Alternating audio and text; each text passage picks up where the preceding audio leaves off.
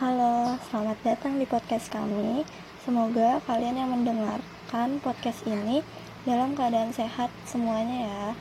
Nah, perkenalkan, nama saya Nabila Alif selaku host dalam podcast ini. Selanjutnya, saya akan memperkenalkan Tiara Tiani Putri selaku narasumber dalam podcast ini. Selamat datang Tiara. Halo Nabila dan semuanya. Baik, hari ini kita akan membahas mengenai problem solving dan transfer ya. Setiap manusia itu pasti memiliki masalah dalam hidupnya. Dan tentu saja kita harus mengatasi masalah kita. Nah, kalau ditinjau dari definisinya itu sendiri, apa sih pemecahan masalah atau problem solving itu?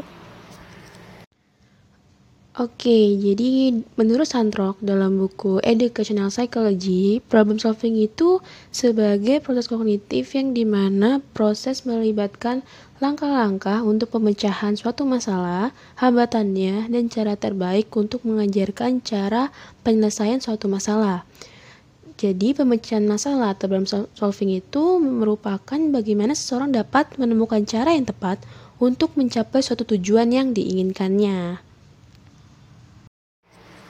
Nah, berhubung tengah membicarakan problem solving nih, dalam pendidikan kan guru sangat berperan aktif ya dalam mengajarkan dan juga melatih siswa-siswanya. Jadi bagaimana sih guru itu terus mengajarkan serta melatih para siswanya mengenai problem solving ini? Oke, jadi guru itu tuh benar-benar harus mempertimbangkan tugas-tugas apa aja yang di mana siswanya ini terlibat dalam pemecahan suatu masalah seperti membuat proyek, menulis penelitian, dan sebagainya. Kan bisa dilihat ya, tugas-tugas tadi tuh tampak berbeda satu sama lain ya, kayak beragam gitu. Nah, akan tetapi masing-masing tugas ini melibatkan serangkaian langkah yang serupa, yaitu e, melibatkan siswa-siswanya dalam memecahkan suatu masalah. Nah, dan juga walaupun guru-guru e, ini tidak mengajarkan atau menjabarkan secara langsung pada siswa-siswanya bagaimana sih problem solving itu, namun secara tidak langsung para siswa, para siswa juga belajar mengenai problem solving di sekolah, yaitu dengan mengerjakan tugas-tugas tersebut. Begitu. Oke, nah seseorang yang sedang dalam masalah kan harus menemukan solusi atau pemecahan masalah yang tepat ya. Nah, adakah tahapan-tahapan dalam memecahkan suatu masalah yang tepat dan efektif? Ya, tentu saja ada. E, jadi, dalam buku Santrok yang Educational Psychology, itu tuh tahapannya ada empat ya. Jadi, yang pertama itu find and frame problem before di mana sebelum individu memecahkan masalah yang ia miliki, individu ini harus menyadari bahwa masalah memang benar adanya. Kemudian, individu akan melibatkan operasi yang spesifik dan sistematis sehingga menghasilkan solusi yang baik. Kemudian, yang kedua itu ada develop good problem solving strategies. Nah, setelah si individu ini mengidentifikasi masalah yang miliki, maka perlu pengembangan teknik dengan memantapkan subgoaling serta menggunakan teknik algoritma, heuristik, dan means ends analysis. Nah, kalau subgoaling itu tuh berfungsi untuk menetapkan tujuan awal yang menempatkan individu untuk mencapai tujuan atau solusi akhir. Oke, contohnya itu kayak ada seorang siswa yang ingin mengerjakan proyek sains. Jadi saat mengerjakan proyek sains, siswa ini menetapkan subgoaling. Uh, jadi siswa ini akan menyusun apa aja yang dikerjakan terlebih dahulu, misal mencari sumber wawancara, mencari referensi tambahan, dan lain-lain sebagainya. Dengan begitu, ya, ia jadi tidak masa terbebani karena sudah terstruktur gitu. Jadinya uh, siswa ini tidak jatuh tempo dalam mengumpulkan tugas. Selanjutnya ada tiga teknik lainnya. Yang pertama itu ada algoritma. Nah, algoritma itu tuh adalah teknik yang solusinya dari berbagai bentuk seperti rumus, instruksi, dan pengujian. E, contohnya, seorang siswa ini mengerjakan soal perkalian dengan mengikuti konsep yang sudah diberikan oleh gurunya. Nah, yang kedua itu ada heuristik.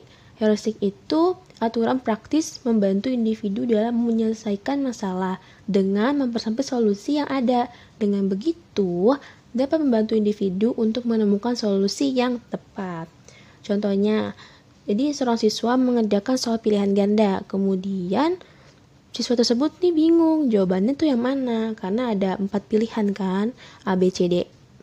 Nah kemudian ia pun menghilangkan pilihan jawaban yang tampak tidak mungkin jawaban dari soal tersebut. Kemudian menebak di antara jawaban yang tersisa, begitu. Nah, contoh itu ada analisis mean and ends. Uh, teknik ini di mana seseorang mengidentifikasi tujuan akhir dari suatu masalah, menilai situasi yang terjadi, dan mengevaluasinya. Contohnya itu, ada seorang siswa ingin mengikuti proyek pameran sains, namun dia bingung nih karena nggak kunjung menemukan topik yang menarik. Dengan menggunakan teknik analisis main and ini, ia mampu untuk menilai situasi saat saat ini yang menarik kayak gimana, yang untuk dibahas gitu. Nah, kemudian ia akan merencanakan untuk mengurangi perbedaan topiknya dengan tujuannya dengan mencari sumber-sumber yang ada, menjelajahi internet, perpustakaan, dan lain sebagainya. Kemudian, tahapan yang ketiga itu ada evaluasi solusi. Tahapan ini merupakan tahapan ketika kita berpikir kembali bahwa solusi pemecahan tersebut efektif atau enggak sih, kayak gitu. Nah, kemudian tahapan yang terakhir nih ada rethink and define problem and solution over time. Nah, tahapan terakhir ini merupakan yang penting karena pada tahap ini individu memikirkan dan mendefinisikan kembali masalah dan solusinya supaya dapat meningkatkan kinerjanya di masa yang akan datang. Baik, berarti uh, itulah tahapan yang perlu dilalui seseorang apabila ingin memiliki solusi yang tepat dan efektif dalam menyelesaikan masalah yang dia miliki ya. Iya, betul sekali Nabila. Oke, baik. Kan tadi para siswa itu diajarkan dan juga dilatihkan oleh gurunya ya. Nah, adakah pembelajaran yang melibatkan para siswa ini untuk mandiri gitu dalam menyelesaikan masalahnya? Yap, tentu saja ada, tapi itu nggak sepenuhnya ya disuruh mandiri. Jadi guru akan tetap mengarahkan siswanya untuk menemukan solusi dari masalah yang ia miliki. Oke, jadi ada dua jenis pembelajaran. Yang pertama itu ada pembelajaran berbasis masalah di mana pembelajaran ini menekankan pada masalah nyata di kehidupan sehari-hari. Jadi, siswa akan diarahkan pada suatu masalah dan siswa ini akan disuruh bereksplorasi atau menemukan solusi itu sendiri. Nah, pembelajaran ini tuh sangat sangat efektif ya dalam bantu para siswanya karena pembelajaran ini dapat mengembangkan kepercayaan diri siswa dalam menghasilkan keterampilan berpikir secara mandiri. Kemudian, yang kedua itu ada pembelajaran basis proyek, di mana pembelajaran ini siswa disuruh mengidentifikasi masalah serta menciptakan hasil yang nyata pula dengan tetap menekankan proses pembelajaran secara konstruktivis yaitu menciptakan suatu makna dari apa yang telah dipelajari. Nah, jenis masalah yang, di, yang dieksplorasi dalam pembelajaran ini serupa dengan uh, uh, ilmuwan, penulis, dan sebagainya. Jadi, siswa membuat produk akhir secara nyata yang membahas ke masalah yang ia miliki. Oh, oke. Okay. Oh iya, uh, apakah ada perbedaan penyel penyelesaian masalah antara anak-anak dan anak yang usia di atasnya. Yap, tentu saja ada. Nah, kan anak-anak itu kan masih memiliki kesulitan dalam menyelesaikan masalah secara efektif dan sistematis ya. Uh, karena mereka ini masih memiliki keterampilan rendah dalam menyelesaikan masalah yang mereka miliki. Anak-anak ini cenderung mencoba menyelesaikan masalah mereka dengan terlalu cepat dan tidak memiliki kemampuan dalam merencanakan penyelesaian masalah dengan berpikir sejenak. Kayak langsung aja gitu penyelesaian tanpa berpikir panjang. Nah, anak-anak yang lebih tua atau remaja ke atas lebih mampu memecahkan masalah ketimbang anak-anak yang lebih kecil dari usianya. Nah, masalah anak-anak yang lebih tua itu tuh sering kali lebih kompleks ya ketimbang anak-anak yang kecil. Jadi menyelesaikan masalahnya pun biasanya membutuhkan pengetahuan dan sistematis gitu. Terus juga anak-anak yang lebih tua lebih memungkinkan menggunakan strategi yang efektif untuk memecahkan masalah ketimbang anak-anak yang lebih kecil. Jadi seiring bertambahnya usia, anak-anak akan mampu untuk memiliki strategi yang digunakan untuk memecahkan suatu masalah. Anak-anak yang lebih besar dan remaja ini mampu memantau dan mengolah sumber daya yang dimiliki untuk memecahkan masalah yang efektif. Dan mereka pun mampu mencari informasi yang kurang relevan untuk memecahkan masalah mereka. Begitu. Oh, ternyata anak-anak dan anak yang usianya lebih tua itu memiliki perbedaan dalam menyelesaikan masalah ya antara anak-anak dan juga anak yang usianya lebih tua. Iya, betul sekali. Oh iya, ngomong-ngomong, lagi membahas mengenai anak-anak nih. Jadi kenapa sih kita perlu banget mengajarkan anak dalam mengenai problem solving sejak dini? Oh, penting dong dan harus diajarkan. Seperti halnya orang dewasa ya. Anak-anak juga pasti menghadapi masalah dalam hidupnya. Anak-anak usia dini dalam kesehariannya tentu tidak bisa membuat keputusannya sendiri dan membutuhkan bantuan orang lain. Untuk mengatasi hal tersebut, orang tua atau pendidik lainnya perlu menanamkan kemampuan problem solving pada anak supaya mereka dapat terbantu dalam menyelesaikan masalah mereka sehari-hari secara mandiri. Nah, pemecahan masalah pada anak usia dini merupakan sebuah keterampilan yang bisa dikreasikan dalam berbagai hal dari kegiatan sehari-harinya. Selain untuk memecahkan masalah, kemampuan ini tuh dapat dimanfaatkan anak untuk lebih mengeksplorasi lingkungan sekitar. Anak usia dini kan pada saatnya mendapat pelajaran lingkungannya kan. Nah, sifat mereka yang berpikir konkret ini membuatnya mudah mengerti sesuatu dengan melihat atau meniru hal-hal yang berada di sekelilingnya. Nah, untuk mengajarkan anak usia dini dalam menyelesaikan masalahnya, itu tuh bisa menggunakan metode bermain sambil belajar. Kan bermain itu merupakan sebuah metode pembelajaran yang mengasyikkan ya, sekaligus sangat cocok untuk anak usia dini. Jadi mereka nggak gampang bosen gitu. Nah, seperti yang dilansir dari kompas.id, mengajarkan suatu hal baru pada anak melalui bermain, diyakini akan semakin cepat diterima dan ditangkap oleh si anak. Karena mulai bermain, anak-anak akan merasa bahwa tidak ada paksaan nih dalam belajar. Jadi dalam kondisi tersebut, keadaan otak anak berada di kondisi yang tenang, sehingga pendidikan pun mulai e, mudah tertanamkan pada dirinya, seperti itu. Baik, memangnya permainan seperti apa sih yang dapat meningkatkan problem solving pada anak di usia dini ini? Dan apa manfaat bermain sambil belajar itu? Uh, kalau permainannya itu ada banyak ya.